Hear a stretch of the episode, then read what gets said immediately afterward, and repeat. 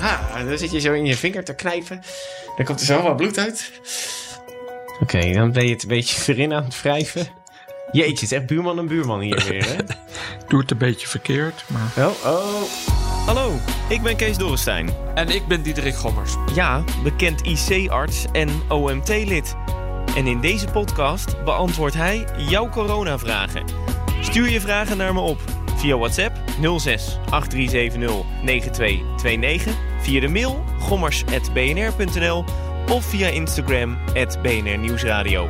Dan leg ik ze aan hem voor. Vraag het. Gommers. Goed dat je er weer bij bent. Een nieuwe aflevering met nieuwe vragen. Onder andere een vraag over hoe je nou weet of het vaccin bij jou is aangeslagen of niet. En eh, we gaan natuurlijk een antistoffentest doen, want dat hadden we vorige week beloofd.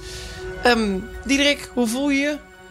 Ja, eh, prima. Ja? Ja? ik bedoel, eh, voor de intensive care het daalt nog steeds. En we zitten nu al onder de 250. En dat was eigenlijk de bedoeling. Hè? 1 juli eh, had ik dat gehoopt. Nou, dat was al 15 juni. Dus we lopen 14 dagen voor. Ehm, dus wat dat betreft gaat het de goede kant op. En zijn wij volop bezig met vakantieplanningen. En dat iedereen goed, eh, goed op vakantie kan op de intensive cares. En volgende week hebben we als vereniging nog een webinar om te kijken van eh, wat moeten we doen en hoe moeten we ons voorbereiden op het najaar. En daar gaan we het volgende week over Gewoon voor, voorbereiden over, eh, mocht het misschien weer gaan oplopen in het najaar dan? Nou ja, dat. Ik bedoel, ehm, eh, hoe reëel is nou die, die Delta-variant, hè, dus die India-variant? En, en moeten we daar wat mee? En wat zeggen de eh, modelleurs daarvan? Maar ook wel voor ons is dat misschien nog wel belangrijker.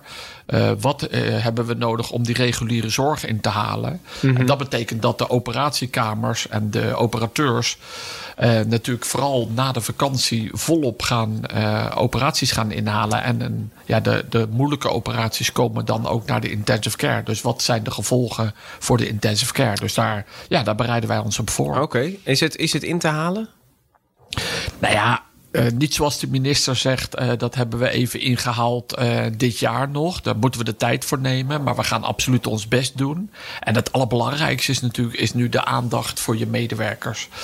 Dus we gaan eerst op vakantie, maar we zijn ook volop bezig om te kijken, jongens, het evalueren van de COVID. Ehm, wat ging er goed en wat moeten we veranderen en hoe, gaan we, hoe snel kunnen we dat veranderen? Ja, en, en nu komen natuurlijk de, de, de grotere versoepelingen, mondkapjesplicht eraf en, en dat soort dingen. En eh, misschien weer grotere evenementen. Eh, eh, kan dat, denk je? Ja, maar dat hebben we vorig jaar natuurlijk ook gezien. Alleen wat gewoon belangrijk is, is dat we, ja, dat we er bovenop blijven zitten. Dus snap je? Ik ja, bedoel, die versoepelingen kan absoluut. Als je naar de ziekenhuizen kijkt, ook absoluut.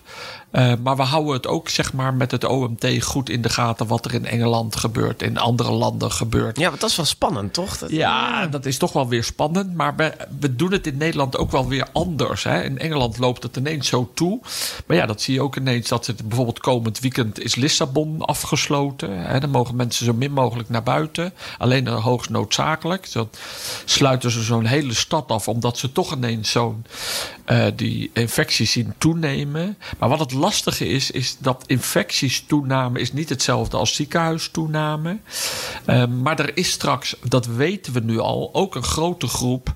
3 miljoen volwassenen die straks niet gevaccineerd zijn. En we hopen dat die groep zo klein mogelijk is. We hopen ook dat mensen nog inhalen. Maar 3 miljoen mensen die niet gevaccineerd zijn. Uh, en je weet dat je terugkomt van vakantie en dat mensen dan een, een, variant mee terugnemen, bestaat het risico dat je toch weer lokale uitbraken krijgt. En 3 miljoen mensen die dan eventueel besmet raken, dat is best veel. Um, ja. En dan hangt het van de leeftijd af of we die wel of niet op de IC gaan zien. Precies, dus daar moeten we dan ook misschien weer rekening mee houden. Natuurlijk. Ja. Dat, we, dat, dat, ja, ja, en dat is het gewoon. Ik bedoel, het is. En daarom zei ik ook, het is niet het oude leven wat we terugkrijgen, maar het nieuwe leven. Dus we moeten ook genieten en, en we kunnen ook versoepelen. Ja, dus dat is allemaal fijn. belangrijk. Ja. Maar je moet in je achterhoofd houden, ook als je in het buitenland, let op dat je niet ziek wordt. En als je klachten krijgt, ook al ben je gevaccineerd, laat je testen. Eh, daar of dan hier. Ja, Als je terugkomt, weet, want ja. je moet het gewoon niet eh, verspreiden, snap je? En dus het bron- en contactonderzoek. Ja, nu dat de aan besmettingen weer laag zijn, kan dat ook gewoon goed. Maar dat kan alleen maar als jij je meldt bij de GGD.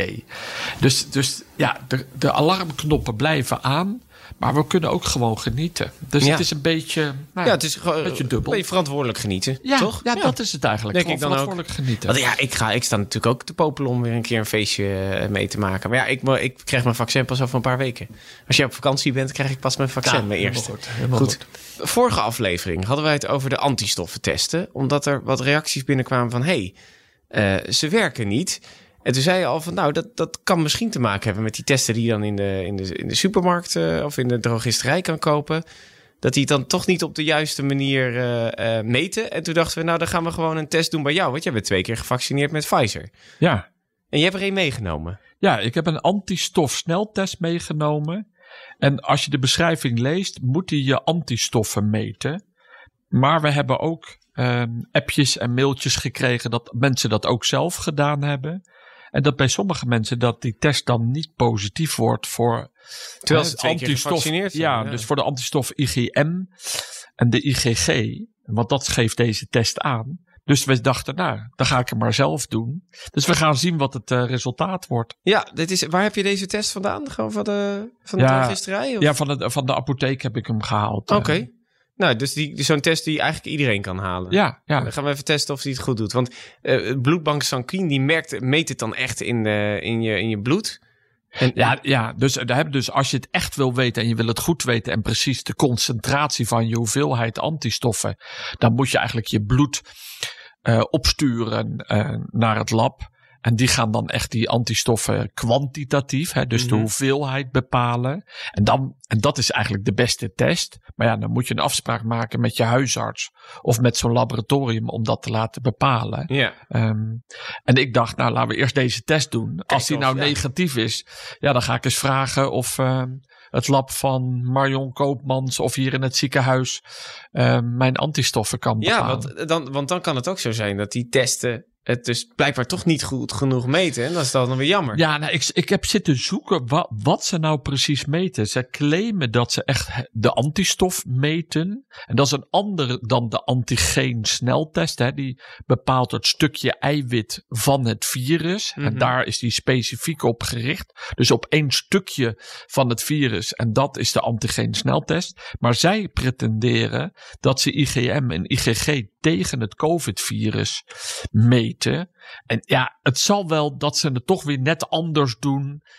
Want in principe, als jij gevaccineerd bent, moet jij IgM of IgG hebben. Ja. Eerst krijg je IgM en als het langer geleden is, moet je IgG hebben. En natuurlijk heeft de een meer antistoffen dan de ander. Dus het, uiteindelijk gaat het om de hoeveelheid antistoffen. En, en deze sneltest gaat alleen maar of je het hebt, ja of nee. Dus er zal een grens in zitten wanneer die zegt je hebt het of je hebt het niet. Mhm. En daar kan het eh, mee te maken hebben. Snap je dat je wel antistoffen hebt, maar dat die concentratie te laag is. En dan zegt zo'n test je hebt niks. Mhm. Maar goed, ehm, we gaan het zien. Oké, wat moeten we doen? Of Ja, ik, ik heb hier een, eh, een eh, dus ik heb die test bij me, die maak ik nu open. Dat is een soort cartridge. Waar, daar, waar ik een, een, een, een druppeltje bloed op moet doen. Ja. En, en wat moet hij dan aangeven als je aan, antistoffen blijkt te hebben? Ja, dan, dan zie je hier moet je twee druppeltjes bloed en een buffer. Ja. En dan gaat hij lopen en dan, na exact 20 minuten moet er een streepje komen bij C van control. Nou ja, Ja. dat hij test gedaan heeft. En dan gaan we zien of er ook een streepje komt bij IgM en IgG. Dat staat hier op de display. Nou, dan gaan we dat nu doen. En dan aan het einde van de podcast hoor je of het is gelukt. Oh, er zit ook een naald. Oeh, dat, eh, ik kan dus niet zo heel goed tegen bloed. Dat heb ik al eens eerder verteld. Oh, maar ik dacht dat jij het ging doen, toch? Ja, ik kan, ik kan wel prikken hoor. Ik bedoel, ik, ik, ik word er niet vrolijker van, maar ik kan het zeker doen. Ja, dus hier moet, mee moeten we prikken. Eh, moet ik mijn vingers schoonmaken? Ja. De ringvinger wordt schoongemaakt. Nou, dan moet jij prikken. Oké, Dan moet je hier met dat ding tegen mijn vinger aanhouden. En dan moet je daarop knijpen. oké, Oh, Dus je moet met je andere hand even... Zet hem er de even vinger- bij. Dus je moet zeg maar Zo. zo er tegenaan. En er tegenaan en dan knijpen. En dan knijpen. En dan moet je met je andere hand even dit een beetje tegenhouden. Dit het beetje tegenhouden, Ja, oké? Moet mijn vinger... Oh. Ja, maar... Ja, is aan bloeden. Ja, nog, Nog een keer? Doe nog een keer. Oh jee. Harder duwen. Ah, Ja. Dit is het. Dit is het. Oké, ik hoop dat je genoeg hebt. Druppelt er een beetje uit? Of moet ik kijken of ik hem kan resetten? Het is echt, je kan maar één keer drukken ook met dit apparaat. dat was het ook. Ik bloed te weinig. Ik heb eigenlijk helemaal geen bloed. Kan ik de naald hieruit halen? Oh man. Nou, wacht. Dan gaat hij wel een beetje bloeden. Oh, ja, oeh, jee, je gaat helemaal knijpen. Of, ik word er nu al een beetje naar van, terwijl het maar een heel klein druppeltje is. Ha, dan zit je zo in je vinger te knijpen. Dan komt er zo wat bloed uit. Ja, wat een stoere presentator ben ik toch. ook. het is ook wel helemaal rood, die test ook. Oké, dan ben je het een beetje erin aan het wrijven. Jeetje, het is echt buurman en buurman hier weer, hè? Ik doe het een beetje verkeerd, maar... Oh, oh. Niet leeglopen nu, hè? oh, en dan wordt er wat... Dan, nu spuit je er wat spul bij. buffer bij. Buffer bij? Wat is een buffer? Ja, zeg maar die loopvloeistof Oh. met je bloed. Twee druppels. En dan moeten we 20 minuten wachten. Oké, nou spannend. Wat een teaser. Exact 20 minuten, zegt hij. Zetten we Dus even een wekkertje. met, met timer zetten. Ja, dan gaat zet- het alarmpje dadelijk af en dan weten we dat we moeten Ja, kijken. zet hem maar lekker op hard hoor. Dan gaat hij vanzelf af. Ja, kijk, perfect. Zo, heb je bloedje nu nog? Of, eh, of moeten we eventjes... Ja, eh, nou, dat gaat helemaal goed het komen. doekje? Ja, Ja. oké. Nou, hij loopt. We gaan even testen om te kijken of die testen dus een beetje goed zijn.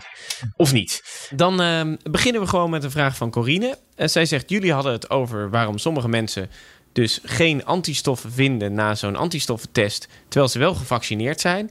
En hij zegt, Derek Williams, wetenschapsjournalist, heeft daar een paar weken eh, geleden toevallig een vraag over beantwoord eh, na het DW News. Hij zegt dat het komt doordat je geen antistoffen maakt tegen het hele SARS-CoV-2, maar dus alleen tegen het key protein. En daar zijn veel testen niet op ontwikkeld, terwijl je wel gewoon antistoffen maakt. Ehm, ze heeft ook de aflevering meegestuurd. Die hebben net eventjes gekeken ook. Dat hoor je hier niet, want dat was saai, want dan hoor je twee mensen niks zeggen. Wat vind je ervan? Ja, nee, heel goed dat ze dat doet. En, en ik ben er ook blij mee dat ze ook dat filmpje even gestuurd heeft. Want we hebben er net naar gekeken. En, en wat hij ook uitlegt, en dat is natuurlijk eigenlijk ook wel logisch. Die sneltesten zijn gemaakt om te kijken of jij het COVID-virus bij je had. En de COVID-virus bestaat uit verschillende eiwitten. Hè, die, die kern bestaat uit een engelstrui engelstreng, enkelstrengs RNA. Eh, dat zeg maar de kern. Ehm, en daar omheen zit een kapsel met die gekke pootjes erop. Met die spikes, hè? Ja. Ja, die pootjes zijn die spike-eiwitten. Dat hebben we nu onderhand wel geleerd. Maar hij zegt, ja, je kunt antistoffen maken tegen de kern, tegen dat enkelstrengs RNA en tegen de pootjes. Nou, wat we, wat we met het vaccin doen, daar, daar spuiten we de, brengen we de, de boodschapper in, omdat het lichaam die enkel de spike-eiwitten Ja, dus niet het kern waardoor je echt ziek wordt. Ja. En, en maar eh, dat is wel belangrijk, want daar maak je dan antistoffen tegen die pootjes. En op het moment dat het virus in jouw lichaam komt, dan herkent hij die gekke pootjes. En dan worden die antistoffen gemobiliseerd om het virus uit te schakelen. Hij zegt. Nou, sommige testen doen dat ook, maar er zijn ook testen die gemaakt zijn om juist eh, te herkennen hoe, dat, hoe die kern eruit ziet. Dus niet zozeer die pootjes, maar andere bestandsdelen van het virus, eiwitten. Eh, en daar kunnen ze dus ook ant- antistoffen tegen gemaakt hebben. Dus hij zegt, die, die antistoffentest, die, die, die kijkt niet misschien naar ehm, die spike-eiwitten, maar naar andere bestandsdelen. En Ja. daarom scoor je bij sommige testen positief en bij andere testen negatief. Ja, is dat een logische eh, verklaring? Ja, alleen het is wel makkelijker. De meeste antistoffen maak je tegen de buitenkant. Omdat die, ja, dat virus zit zo keurig verpakt. Maar hij heeft wel een goed punt. En, en dat kan je niet uit de folders halen eh, van de, van de producenten die die sneltesten Nee, maken. Snap je? Want die hebben het algemeen over IgM of IgG Ja. antistoffen tegen COVID. Nou, IgM is het eerste antistof wat je maakt. En die verdwijnt na veer- binnen 14 dagen. En in die tussentijd wordt je IgG aangemaakt. Ander type, maar tegen hetzelfde virus. En dat blijft langer bestaan. En, maar door die woorden te gebruiken, denk je dat alles hetzelfde is. Maar hij heeft absoluut gelijk. Die antistoffen zijn gemaakt tegen bepaalde bestandsdelen, tegen eiwitten. Precies, oh, oké. Dus het kan dus ook zo zijn dat deze test misschien ook aangeeft van je hebt ze niet. Maar dan heb je ze wel, omdat je antistoffen na een vaccin gewoon net iets anders zijn dan je antistoffen die je maakt nadat je het virus hebt gehad. Ja, dus je maar maakt, ze werken altijd even goed. ja, dus de antistoffen van het vaccin is vooral tegen die spike. Enkel en alleen tegen die spike-eiwitten, want dat heeft je lichaam gemaakt. Je lichaam maakt niet een heel virus na. Nee, exact. Ehm, maar dat, op zich die, het maakt niet uit welke soort antistoffen je hebt als je maar antistoffen hebt. Dat Ja. is natuurlijk. Dan eh Annemarie. Zij zegt: Beste Kees en Diederik. Ik heb sinds eh, half april aanhoudende coronaklachten. Ik heb long-covid. Eh, om andere dingen uit te sluiten heeft mijn huisarts mijn bloed laten prikken. Hieruit kwam dat mijn B12 een laag normale waarde van 212 heeft. Nou, dat is waarschijnlijk laag normaal. Ehm, in een Facebookgroep met meer dan 20.000 lotgenoten blijkt dat veel mensen met long-covid een lage B12-waarde hebben. Kan dat door corona zijn ontstaan of misschien verergerd? Ja, dat is een lange discussie. Er is ook veel discussie over verschillende vitamines. Want naast vitamine B12 gaat het ook over vitamine D. Ehm, en en ehm, ja, het is heel lastig, want er is eigenlijk geen goede studie. Want dit vraagt eigenlijk: krijg je nou lage vitamine D door COVID? Of heb je nou lage vitamine B12-spiegel en ben je daardoor gevoeliger voor COVID? En vitamine B12 zit in onze voeding, hè? in vlees, in zuivelproducten, in eieren. Dus normaal gesproken heb je voldoende, als je gezond eet, eh, krijg je voldoende vitamine B12 B, eh, binnen.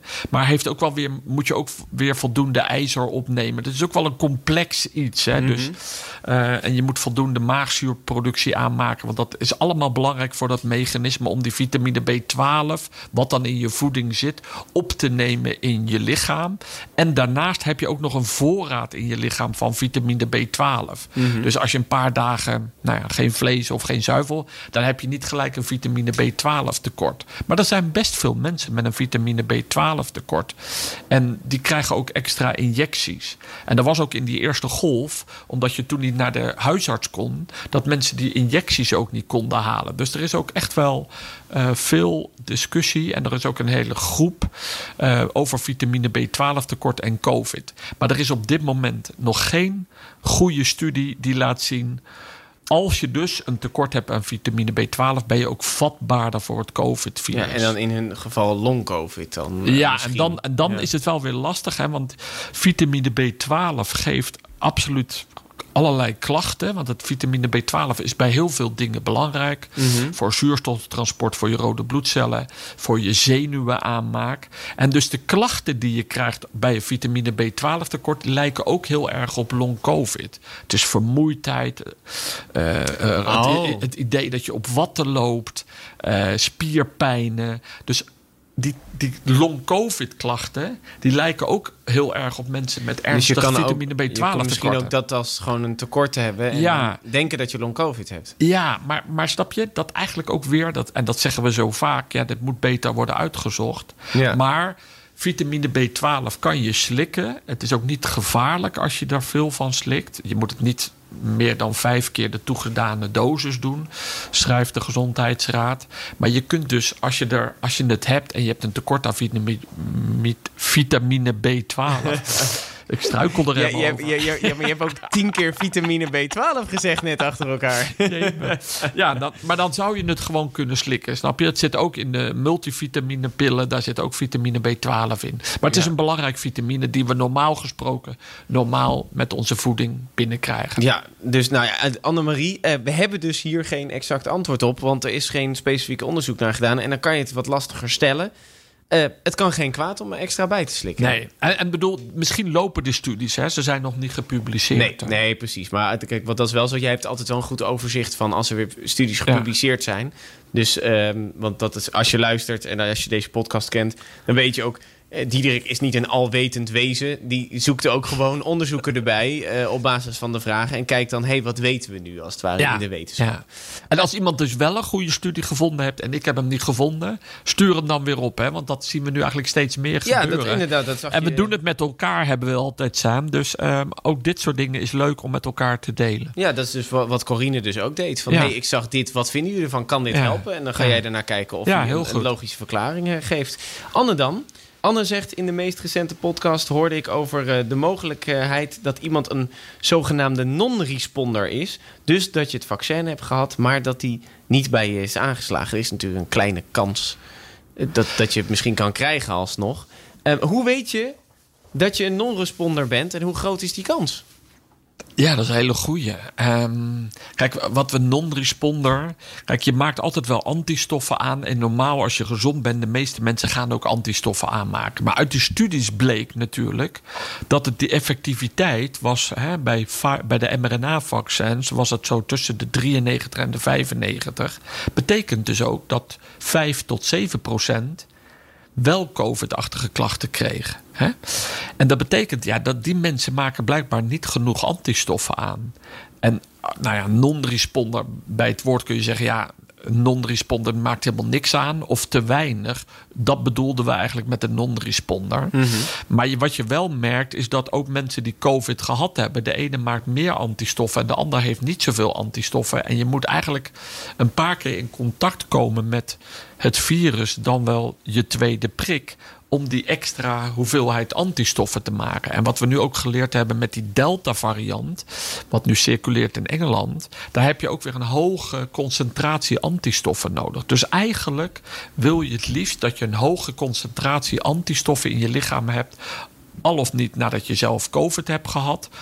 Of dat je COVID hebt gehad en één prik hebt gehad, of na twee prikken, of na één prik Janssen. Ehm, en sommige mensen zit, blijven daaronder. En eigenlijk zou je dus graag je antistoffen willen laten bepalen. Dus Ja. als je twijfelt, ja, moet je je antistoffen laten bepalen. Maar helaas is dat nog niet zo makkelijk. Nee, want we ook niet morgen aan allemaal naar de, naar de huisarts. Want dan heb ik iets verkeerds gezegd. En dan heel die huisarts, ja, wat heeft die Diederik nou weer gezegd? Dus ik zou maar vertrouwen hebben. Maar als je echt twijfelt of je hebt dat vaker laten zien. Ik kan me nog herinneren, hè, als wij in een ziekenhuis komen werken, moeten wij een vaccin nemen tegen hepatitis B. Mhm. Daar moet je je laten voor vaccineren. En toen heb ik ook meerdere vaccins moeten halen, omdat ik maar geen antistoffen tegen dat hepatitis B Dus ja. Sommige mensen reageren anders. Nou, en we gaan zo zien of ik antistoffen heb na twee keer eh Pfizer-vaccin Ja. in januari. Dus, dus wat je zegt, van kijk, een non-responder betekent niet dat je geen antistof hebt. Het kan ook betekenen dat je gewoon wat te weinig. weinig. Ja. Ja. En, En eigenlijk is de enige oplossing laten testen. Dat ja, is, eigenlijk ja. wel de hoeveelheid dingen. Ehm, maar ja, al die. Het is maar een heel klein percentage. Dus, Ja. hè, dus voor Hoe, de, Weet je ook hoe hoog? Of is Nou ja, dat dat, is dus zeg maar de, de mensen die eigenlijk dus eh, COVID-achtige klachten kregen in die studies. Daar weten we het Ja, van. dus dat en dat, dat was percentage. 5% zeg Ja. maar bij de mRNA. Maar het was 30 tot 40% bij de vectorvaccins. Hè, de Ja. AstraZeneca en Janssen. Oké, dus dat, nou, dat, dat zijn dus ook de aantallen waar we ons eh, aan vast kunnen houden. Ehm, Elske dan, zij zegt: Ik heb al twee prikken gehad eh, begin mei. Ehm, maar ik ben erg eh, verkouden, benauwd en ik eh, heb ook hoofdpijn en moet hoesten, dat soort klachten. Is er dan nog een kans dat ik nu corona heb? Nou, dat, dat, dat, dat Ja. sluit dan een beetje aan, hè? Ja, nou, dat is- dat is absoluut een kans. Ik bedoel, ook, eh, dus als je klachten hebt en je hebt normaal dat soort klachten niet, dus je bent geen hooikoortspatiënt, het zijn echt andere klachten, dan moet je je gewoon laten testen. Want ook al ben je gevaccineerd, je kan toch COVID krijgen. Ja, en in die in beginfase moet je niet proberen dat COVID dan weer aan een ander door te geven. Dus ik zou zeggen, gauw laten testen. En hopelijk heb je het niet. Nee, en dan, dan weet je het ook. Nou, die kans is er dus. Ehm, dan eh, Carla, Lex, eh, Mirjam en Nicolette. Die zeggen, eh, die hebben eigenlijk allemaal als eerste prik AstraZeneca gehad. En ze willen eigenlijk nu een prik van een ander merk. Want ze zeggen ook uit Duits onderzoek blijkt nu dat dat ook eh, beter is. Dat je dan eigenlijk nog zelfs wat meer aanmaakt. Ehm, eh, en ze zeggen, hoe kan ik die krijgen? En moet ik dan ook net zo lang wachten als op de tweede AstraZeneca-prik? Want daar zitten natuurlijk twaalf weken tussen. Ja. Nou, een hele goede vraag. En er is ook onderzoek gedaan, vooral in Engeland, of, je nou, of dat kan. Hè. Als je eerst een mRNA-prik, kan je dan een vectorvaccin nemen. Of andersom, en dat is in dit geval.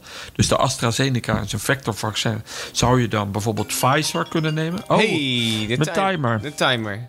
Oké, nu moeten we naar de test dan moeten we even de test kijken. We gaan hier zo verder over En, praten. ehm, ja, ik heb dus antistoffen. Echt waar? Ja, Hij geeft het dus IgG aan. is, eh is, Het is een heel rode test met allemaal is een bloed op. streepje. Ja. Dus even kijken. Ja, IgG. Dus dat, jij hebt lange termijn antistoffen. Ja, En dat is logisch, want je hebt het, eh de prik ik al heb het in dus januari al gehad. dat, hij zou geen IgM moeten aangeven. En wat, en er staat bij een C'tje staat ook Ja, een dat, dat- ja, er moet ook een streepje bij C, want dat is de controle. Dan betekent dat de test goed gegaan is. Oh, kijk.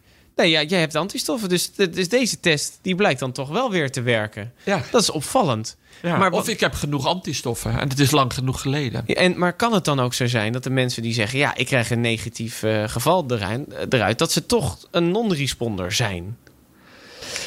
Ah, nee, ik zou de- dan zou ik toch echt laten testen in het eh, la- lab. Maar wat we net besproken hebben, het hangt ook af van het merk test. En deze was de. Ja, hoe heet deze test? Ik zoek het even op. Pharmact. P-H-A-R-M-A-C-T. Pharmact, ja. Ja. Uit Duitsland. ja, Oké, nou dan weten we... dus Deze, deze, werkt deze in ieder geval aan. bij mij. En dus als je dan twijfelt... er is ook een grote kans dat het dus aan die test ligt. Dat, dat zegt ook die Amerikaanse wetenschapper. Dus ja, als je dan echt twijfelt... dan, dan moet je inderdaad een labtest of een bloedtest of zo bij Ja, dan moet je echt naar de huisarts en vragen of die eh, bloed, eh, of je dit doorstuurt naar het laboratorium of bloed afneemt of Ja, daarheen Het betekent niet dat je een eh, non-responder bent. Het kan ook gewoon echt aan de test liggen. Ja. Dat is, maar het is wel grappig dat deze doet het dan wel weer goed. Dat is dan leuk. Op Ja. zich, ja, leuk voor jou, want je hebt antistoffen. Dat is dan prettig. Ja. Het scheelt weer een extra prik. Niet zoals bij hep- hepatitis. Ja. Maar ja, dat, maar, maar, maar dan, de- dan denk ik wel, want je had het vorige week erover. Dat je zei, ja, maar ja, er zijn zoveel antistoffen testen. Ehm, zijn die eigenlijk wel, eh, wel goed? Hoe, hoe weet je nou of het een goede is? Dat is wel lastig. Nee, ja, voor wat we net besproken hebben. Ik bedoel, snap je, als je hem doet en hij is positief, nou dan weet je dat je IgG hebt. Maar eigenlijk wist, nou ja, ik was er ook van uitgegaan dat het bij mij na twee prikken gewoon goed gaat. Ehm, twijfel je en is je test negatief en heb je geen goed gevoel en is het belangrijk voor je, ja, neem contact op met je huisarts. Ehm, en dan hangt het van de huisarts af of die het belangrijk genoeg vindt of die het, of die het lab afneemt. Of voor bloeddonor, want ehm, volgens mij de bloedbanken doen het ook. Die testen het ook, ja. Dus, Ja. En dan hebben ze direct wat eh, donoren erbij. Nog Ja. even terug naar die vraag van Carla, Lex, eh, Mirjan en Nicolette. Nou ja, kijk, dat is belangrijk. We waren daarmee bezig. Dus ehm, zou je na de AstraZeneca ehm, bijvoorbeeld een mRNA, dus een Moderna of een eh, Pfizer?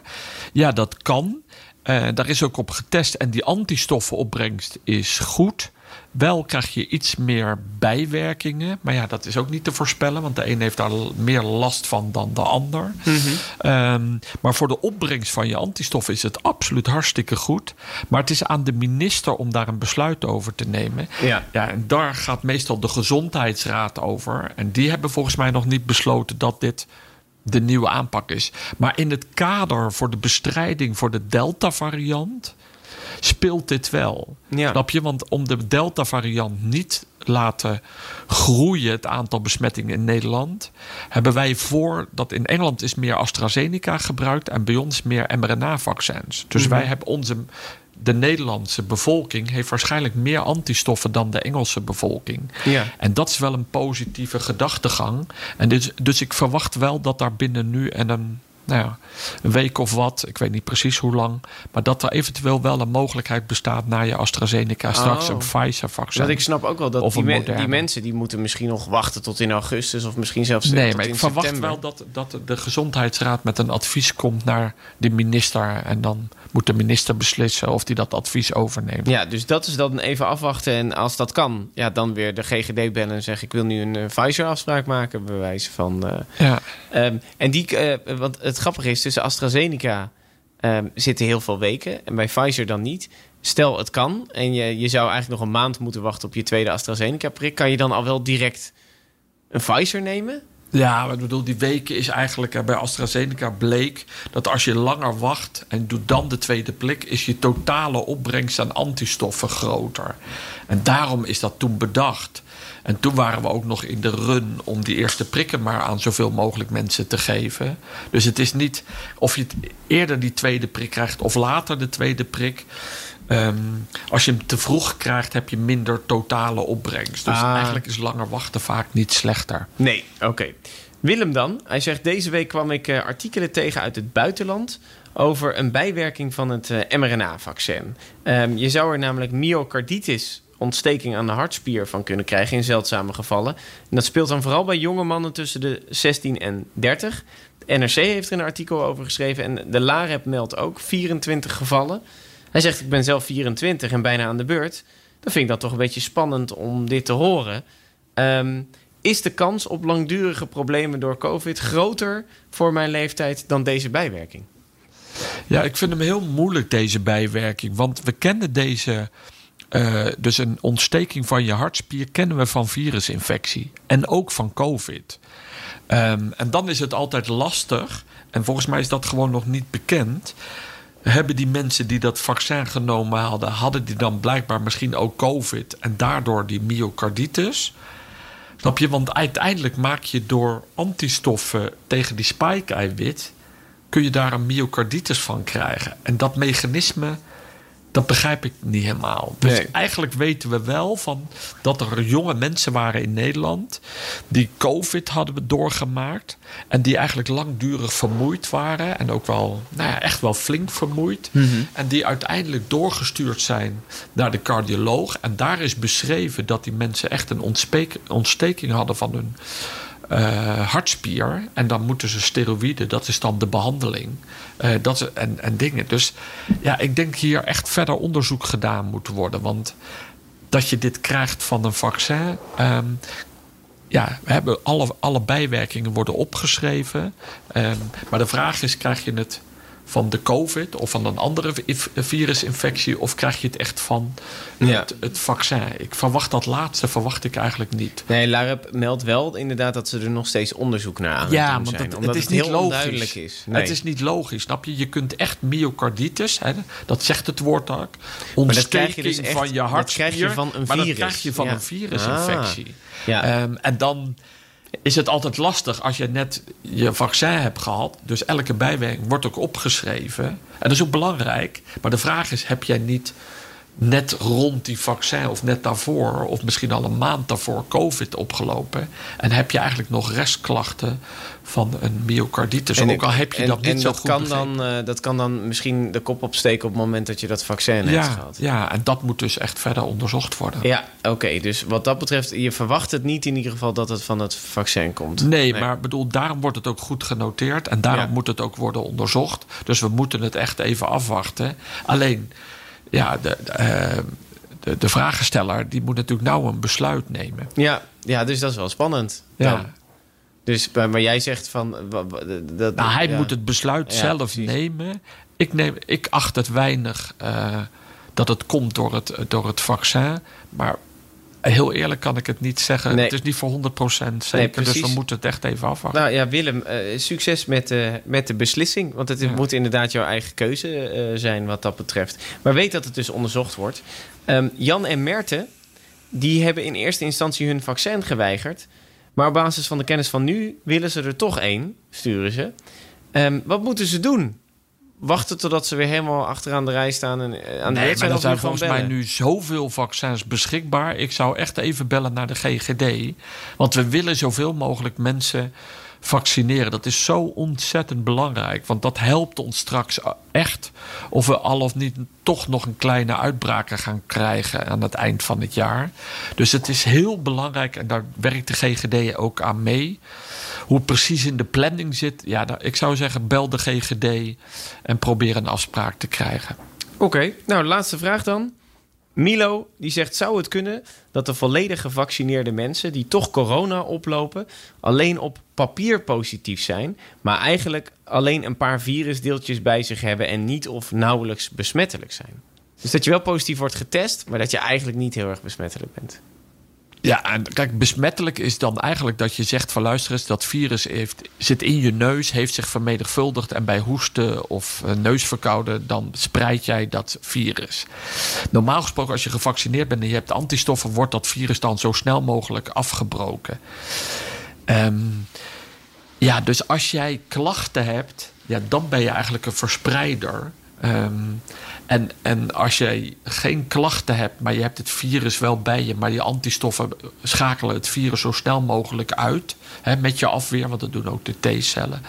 Um, ja, dan kan het theoretisch zo zijn dat je die eerste dagen het virus zou kunnen overdragen, maar dan moet je wel met je naar je handen of je vingers aan je neus zitten en toch wat uh, verkouden of slijm of hoesten.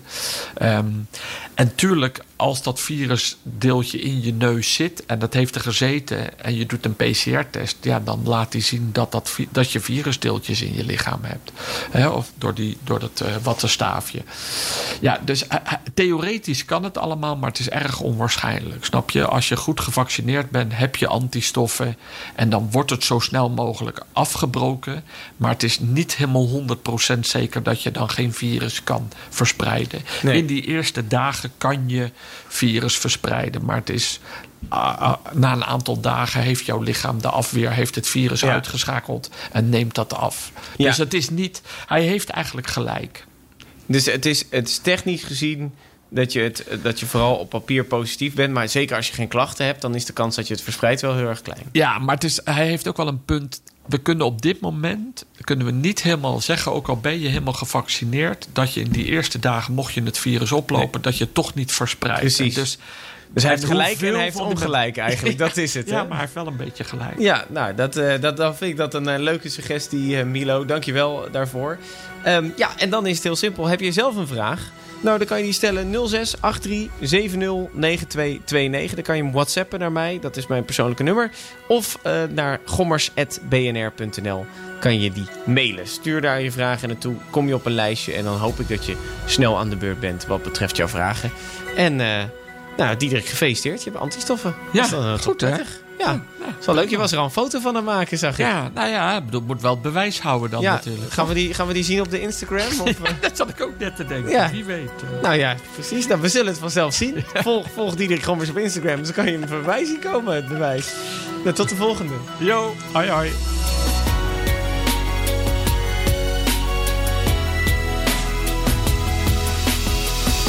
Vraag het. Gommers. Gommers. Gommers.